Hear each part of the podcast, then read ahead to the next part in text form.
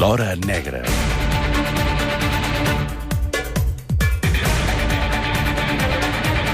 Som al suplement de Catalunya Ràdio. Durant tota la temporada, aquesta hora dels dissabtes la dedicarem a remenar expedients policials per desenterrar els casos de crònica negra que sacsegen Catalunya, normalment. Ho farem amb una periodista que, de fet, sempre està de guàrdies, la Maica Navarro. Maica, què tal? Bon dia. Què tal? Molt bon dia. Em fa molta il·lusió que t'incorporis a l'equip del suplement. De seguida vas dir que sí va ser molt fàcil. Què vols dir, que, que m'hauria d'haver fet d'arrugar una mica més o què? No, però jo sé que sempre, eh, com que sempre, està, fàcil o no m'estàs com que dient? sempre estàs de guàrdia, eh, no li farà res Això treballar sí. al cap de setmana. Ostres, dir que- que... això... Especialment matinar, perquè un dissabte a les 10 del matí per una redactora de successos que troba No. bàsicament les notícies per la nit, I tanqueu els bars, a vegades, no? Sí, no és una llegenda, eh? És una realitat. És una realitat. I el dia que no tanqui els bars hauré de passar-me obligatòriament a Economia. Ja s'ha conegut. La Maica Navarro, evidentment, eh, una periodista eh, ja amb una trajectòria llarguíssima i que sempre parla de coses fosques, eh, que coneix perquè, perquè trepitja molt al carrer, normalment ho connectarem bastant, Maica, a l'actualitat, a coses que passin entre setmana, també molt connectat a, a casos policials, això que explicàvem. Uh, avui, però, com que fa poc va fer un any d'un Sí. crim que, uh, que de fet encara no s'ha resolt. Continua a Susqueda la recerca d'una parella de 21 i de 23 anys del Maresme desapareguts des de dijous. Mossos d'Esquadra i bombers els busquen al pantà i a les pistes forestals de la zona perquè tampoc s'ha localitzat el cotxe amb el qual van marxar de casa. Els Mossos treballen amb l'accident com a principal hipòtesi. Així ho explicàvem a l'antena de Catalunya Ràdio, I això doble assassinat. Mhm. Això ho explicàvem, ho explicàveu a Catalunya Ràdio els primers dies quan el Mar... no se sabia res del Mar Hernández i la Paula Mas, una, una parella de, del Maresme.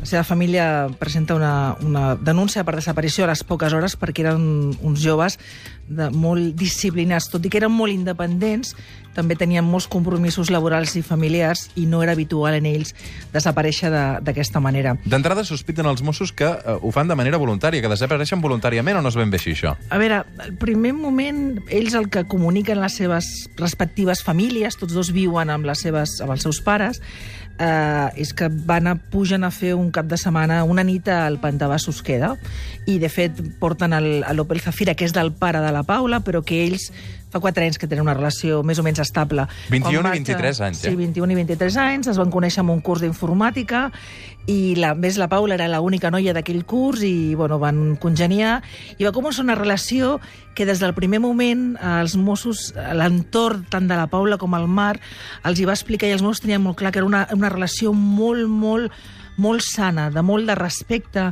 molt igualitària, sense cap mal rotllo. O sigui, cadascú d'ells era molt independent, però al mateix temps estaven molt units.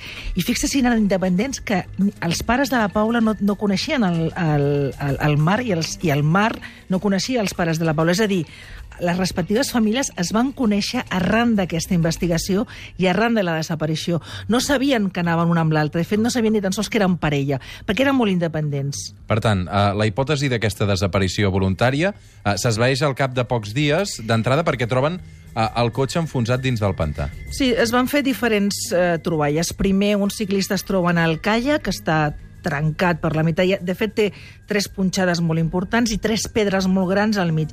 De veritat, els, els ciclistes l'agafen per veure si es pot recuperar, veuen que està trencat i, bueno, el deixen anar. No sabien en aquell moment que hi havia una parella que s'estava buscant per, per la zona.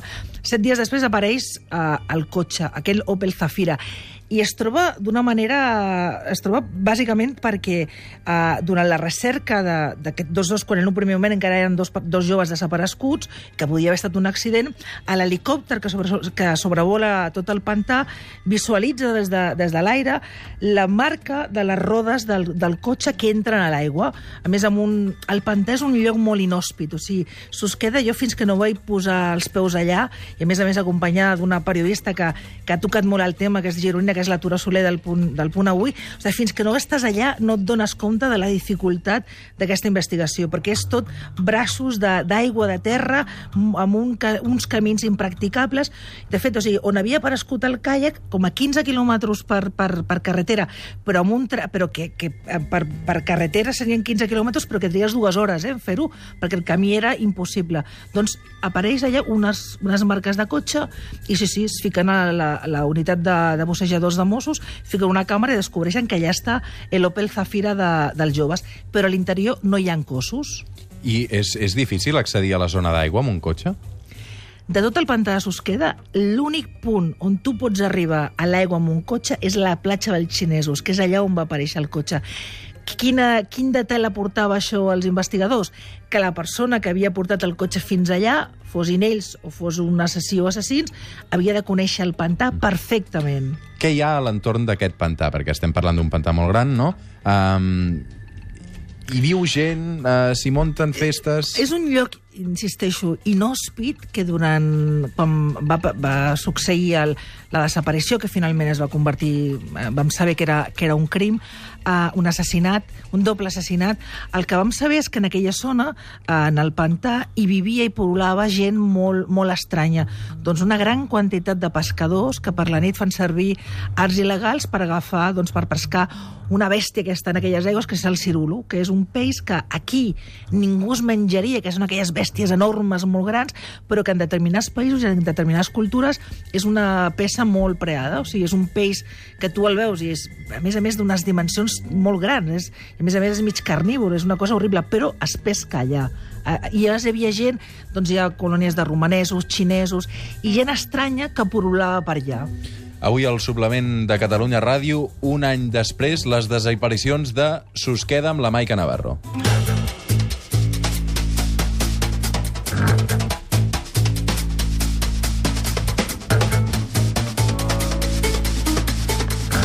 Maica, amb què se centra eh, la investigació dels Mossos una setmana després quan hi ha aquestes dues aparicions? D'una banda, el cotxe eh, sota l'aigua i de l'altra, el caiac. Bueno, teníem el cotxe, no els teníem amb ells. Eh, ja en aquell moment es disparen totes les alarmes perquè ja han portat una setmana en què els Mossos han pogut reconstruir una mica qui, és, qui són els dos desapareguts amb els seus entorns més immediats, els amics, les famílies, i descobreixen que és una parella que el que et deia molt, molt sana i que no hi ha cap indici que pugui fer sospitar que un ha matat a l'altre i després s'ha suïcidat i han fet, i s'han i, s'han tirat a l'aigua o, o que algú els ha raptat. O sigui, era una cosa molt complicada. O sigui, no tenien enemics. O sigui, era, era improbable pensar que algú els volia fer mal i sapigués que anaven a Susqueda a buscar-los allà i fer-los desaparèixer. Per tant, la cosa es complicava. Aproximadament un mes després de, de la desaparició és el, els Mossos ja hi comptaven que el pantà eh, baixaria el nivell d'aigua i just, tot just com ho estava previst va baixar el nivell d'aigua i també sabien que si els cossos del Maria la Paula estaven dins de l'aigua per les condicions de la temperatura, aigua dolça de pantà, acabarien flotant. I, efectivament, als 31 dies van aparèixer els cossos dels desapareguts. 26 de setembre de 2007, i ho explicàvem en aquesta casa d'aquesta manera. Us ho dèiem en començar, localitzats al pantà de Susqueda, a la selva, els cadàvers de dues persones, un home i una dona, just a la zona on els Mossos buscaven la parella del Maresme desapareguda des d'ara fa un mes. La unitat aquàtica els ha trobat a l'interior del pantà i ara s'estan iniciant els protocols d'identificació. D'aquesta manera ho narrava eh, l'Òscar Fernández al Catalunya a migdia, dos cossos despullats a l'aigua, un està lligat amb una motxilla plena de pedres perquè s'enfonsi, i presenten tots dos signes de violència. Sí, el, tots dos estaven, estaven, els dos cossos estaven nusos i és veritat que es va trigar una mica en, en fer la, la confirmació amb, amb empremtes digitals perquè portaven un mes a l'aigua i les condicions doncs, no cal explicar als oients i es poden imaginar com podien estar, però vaja, la, la Paula, per exemple, un detall, portava encara doncs, unes pulseretes de pell i uns collarets que, que eren fàcilment identificables per la seva família. La Paula presentava un tret a, a toca de canó a, al, al cap i el Marc portava, tenia diferents marques, com a mínim tres ferides de, de bala. Uh, de fet, una d'elles és a la mà, que sembla és com si ell hagués intentat uh, rebutjar un, un dels primers trets, i les altres fins i tot per l'esquena, i també armes blanques, fins i tot tenia més lesions que, que la Paula. El Marc tenia lligada la, la motxilla a l'esquena i, i el seu assassí havia col·locat a l'interior una pedra que esdevé després fonamental en la investigació, una pedra que els Mossos, ajudats per la Universitat de Barcelona, pel grup de geologia, determinen que pertanya a la Rierica. Al lloc on apareixen eh, els cossos eh, molt a prop hi ha una mena de, de construcció, unes runes d'una antiga masia que estan o sota l'aigua o, o fora de l'aigua, segons el nivell de l'aigua del pantà, i en aquell moment estaven eh, en l'aire, i el que feien allà, i aquella construcció, aquella pedra que estava dins de la motxilla del mar, pertanya a aquesta construcció, i per tant els Mossos podien vincular a l'assassinat amb la Rierica, i la Rierica amb el que mesos després seria l'únic detingut i ara i únic sospitós d'aquest doble crim. De seguida anem al, al sospitós eh, d'aquest doble crim, que devia ser una persona que ho tenia tot bastant calculat, no? Perquè aquí hi ha, hi ha feina, no? Tot això, a, a enfonsar el cotxe, el caiac, posar pedres dins de les motxilles. Quan tu dius que ho té tot calculat, estàs pensant en algú que vol acabar amb cul, liquidar amb algú i que ha planificat com fer-ho i de quina manera netejar l'escenari. Això va ser un crim casual, absolutament. El Marc i la Paula van pujar a Susqueda, però podien haver anat a qualsevol altre puesto.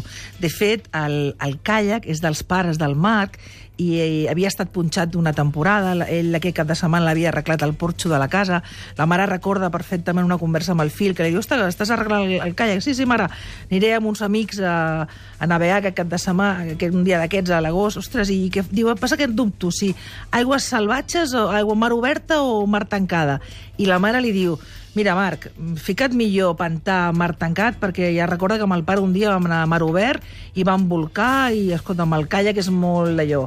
Ah, vale, mare, doncs dir, això es va decidir en l'últim moment. De fet, en l'ordinador del Marc, una de les últimes recerques que fa en Google Maps és com arribar al pantà de Susqueda. Ho van improvisar. Podíem haver anat a Susqueda o un altre pantà. Els Mossos fan la seva feina i el 26 de febrer del 2018, dues detencions. Avui pas determinant en el cas del doble crim del pantà de Susqueda, amb la detenció avui d'un veí d'anglès i del seu fill. Pels Mossos no hi ha cap dubte que l'autor del doble homicidi de la jove parella del Maresme és el pare Jordi Magentí, que té antecedents per la mort a trets de la seva exdona fa 21 anys. Aquesta era la veu del Kilian. Uh, Maica, qui és Jordi Magentí? Jordi Magentí és un personatge amb antecedents per haver assassinat a, a la seva primera, primera dona d'una manera freda i sense escrúpols, que havia complert condemna, que havia refet la seva vida i que havia conegut amb una altra dona via internet, una dona colombiana amb la que havia, havia tenia anades i tornades a Colòmbia. Vivia anglès eh, i des de feia un temps coneixia i baixava al pantà i anava al pantà a pescar precisament a la zona de la Rierica. Allà, a les afores del pantà, a l'entrada del pantà, eh, el seu fill, el seu fill tenia una, una plantació de marihuana i el pare tenia com a rol, li havia encarregat la tasca de cuidar la plantació i de regar-la. I de tant en tant, en molts dies, en, en Magentí anava a cuidar la plantació i anava a buscar aigua per anar a regar la plantació. Aquesta situació, aquest rol de vigilant de la plantació de marihuana és fonamental perquè això indica per què ell anava armat aquell dia. Anava armat perquè, és, perquè era el cuidador, el vigilant de la plantació de marihuana. Per què els mata? És una pregunta que des de fa un any eh, golpeja els cors i les ànimes de tota la gent que estimava i estima el Mar i la Paula. Però hi està, ha està, no clar que fos ell? està clar que fos ell? Pels investigadors dels Mossos d'Esquadra, Unitat Central de Desapareguts, pel fiscal que porta el cas, pel jutge que ha instruït, no hi ha cap dubte de que en Jordi Magentí va ser l'autor de la mort del Mar i la Paula aquell matí d'agost.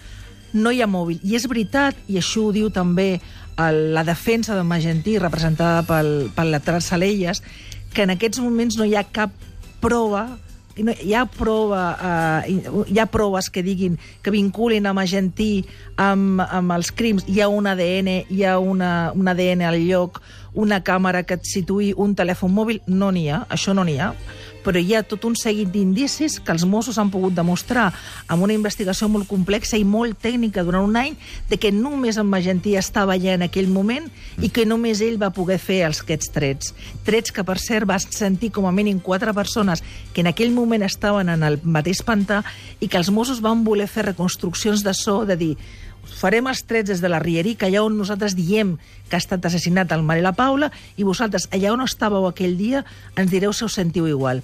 I aquestes proves, en principi, han sigut vàlides i ho demostren. Ara, la investigació continua, perquè durant... En quina fase estem ara, No, Roger? hi ha hagut judici ja o no? No, encara no. Ah. no, no, no. El Magentí porta uns mesos a la presó i ara el que estem fent és, encara, el jutge instructor el que està fent és demanar als Mossos proves. Aquí calculeu que podem estar amb tot el que demanen la defensa i la fiscalia de noves proves a Mossos, d'allà en el pantà, doncs, per exemple, censar tota la gent que hi havia aquell dia, aquell cap de setmana, amb un centre de tractament de desintoxicacions que hi ha molt a l'entrada del pantà, amb un mas de visitants de cap de setmana, o sigui, censar tothom que hi havia. Doncs amb això, moltíssimes més altres proves. Doncs podem estar un any i dos anys d'instrucció. I mentrestant, Mossos presó haurà- preventiva, evidentment. Mentrestant, l'advocat anirà demanant la llibertat, li ha demanat una fiança de 450.000 euros, que és impràctic, que vaja, que és, no és impossible de, No d'assimilar, o sigui, no, no, no l'ha pagat. I sí, el Magentí està a la presó, ara es dedica bàsicament a fer pintura abstracta, això ho explicava la Tura Soler l'altre dia, pintura abstracta i tallers d'arts plàstiques, i ell manté a dia d'avui Sí, que sí. és innocent. De fet, eh, després d'una setmana d'entrar a la presó, jo recordo que vam explicar també que Jordi Magentí va explicar al seu company de cel·la que va ser precisament el seu fill qui va cometre l'assassinat, és a dir, pare acusa el fill, no?, i que ell va ajudar a encobrir-lo, però els Mossos donen alguna... no es creuen aquesta versió, no? No es creuen aquesta versió, però és molt important perquè aquest pres eh, el que li explica el director de la presó és, eh, al- allà a les bases, és, a Girona, és, a Figueres, és dir-li, escolta'm, aquest home que va arribar a la presó estava molt nerviós, només que feia que parlar, que parlar, i al final li vaig dir, escolta'm, si vols parlar, explica'm d'una vegada què va passar al pantà. I és, ell s'inventa un relat que ell, en el que acusa el seu fill d'haver assassinat a la parella, ell diu que ajuda el seu fill perquè en el seu dia ell va matar la seva mare i que per tant li devia aquest gest d'ajudar-lo, però és una cosa molt important, perquè què fa Magentí amb aquesta eh, declaració i aquesta confessió a mitges al company de cel·la? Situar-se per primera vegada en l'escenari del crim. Ell reconeix que estava allà a la Rierica aquell dia. Ell no nega que estigués a la Rierica, perquè estava al seu cotxe, i el seu cotxe està fotografiat per una parella que feia fotos aquell dia passejant. Però què diu? Que ell va sentir els trets, però a la pedrera, en un altre punt del pantà. Serà una investigació que continuarà, estarem durant, jo crec que tot durant aquesta temporada no, ha parlant no, no ha de aparegut Susqueda. tampoc l'arma, tampoc ha aparegut l'arma. No ha aparegut alarma, que consideren, creuen que pot estar enfonsada al pantà, i tampoc han trobat la motxilla de la Paula, que també hauria d'estar al pantà. Durant aquesta temporada, la unitat subaquàtica dels Mossos tornarà al pantà. Ara el pantà està molt alt, i per primera vegada perquè no passa habitualment, a l'escenari del crim està sota les aigües, no hi ha escenari del crim. Per tant, el dia que es faci el judici amb jurat popular, i és habitual que els membres del jurat els portis al lloc dels fets perquè es facin una idea de com van poder passar les coses, han d'esperar que baixi el nivell de l'aigua, perquè si no l'escenari està inundat, perquè clar, no els més imagino de bussos allà sota l'aigua tot el jurat popular. En tornarem a parlar de ben segur aquesta temporada. Seguríssim. Uh, Maica Navarro, crec que aquesta secció promet. Bueno, un plaer, eh? Si Moltes gràcies. No Avui- podem fer-la una mica més llarga? És que crec, que crec que aquest serà el problema, Ja. que necessitarem més temps. Bueno, ja t'ho deia. Ja ho pactarem, això. Escolta, molta sort. Moltes gràcies a La tu. teva sort serà la meva, també. Exacte. De seguida tornem, fem una pausa i continuem Adéu-siau, aquí, bon al setmana. suplement de Catalunya Ràdio.